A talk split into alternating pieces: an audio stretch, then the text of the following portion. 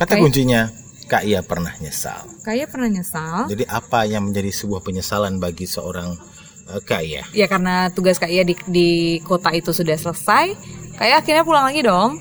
Yang bikin Kak Ia nyesal adalah ketika aku memang passionnya di situ, tapi aku harus terpaksa aku meninggalkan itu gitu loh.